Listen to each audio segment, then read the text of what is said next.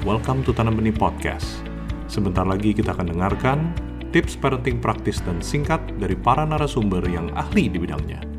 Agar tidak ketinggalan tips parenting yang lainnya, jangan lupa klik tombol follow. Parents, selamat belajar.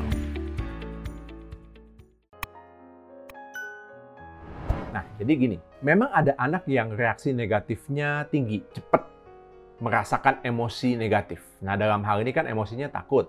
Nah, ini juga berkaitan. Kadangkala memang takut dengan stimulasi yang intensitasnya tinggi. Misalnya ya suara kencang.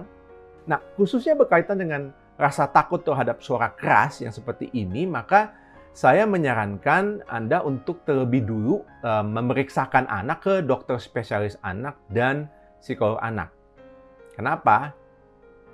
Pertama untuk mengecek kemungkinan faktor adanya gangguan fisiologis yang menyebabkan anak mengalami kepekaan sensori yang terlalu tinggi. Ya, jadi di telinganya anak memang kencang sekali, ya. Kemudian juga untuk mengecek faktor adanya fobia akan suara keras. Jadi kita di sini belajar untuk melihat perilaku anak dengan wawasan yang lebih luas. Anda baru saja menambah wawasan parenting Anda bersama Tanam Benih Foundation. Sekarang, waktunya diaplikasikan. Jangan lupa follow podcast Tanam Benih di Spotify agar tidak ketinggalan parenting tips yang lainnya.